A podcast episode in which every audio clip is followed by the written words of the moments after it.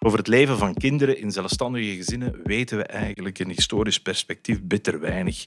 Ik denk niet per se dat wij meer winkeltje hebben gespeeld dan andere kinderen, niet van zelfstandigen. Maar wij hadden gewoon wel al het gerief. Ja. Wij moesten niet met een plastieke kassatje klooien. Je had gewoon wel een echte kassa en een echte... be- En je En hebt echt wel- geld. Je moet ondertussen alles maar blijven betalen en er komt geen rottenbal binnen. Ondernemen is altijd hetzelfde. Als je in een zetel zit, een warme, zachte zetel, en niet veel hoesting op te staan. Je zit goed en je zit op je gemak. Maar je op een harde stoel zit, met een aangelegen had, ga je zeggen, verdomme, dat moet hier veranderen, dat moet hier beter zijn.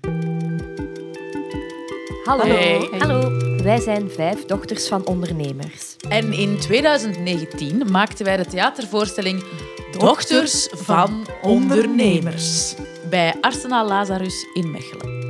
En nu is er de podcast.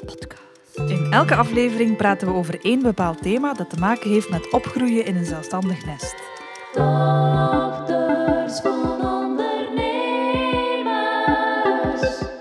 Beluister de vijf afleveringen vanaf 16 maart in je favoriete podcast-app. Dochters van Ondernemers maakt deel uit van podcastnetwerk Luister. Luister.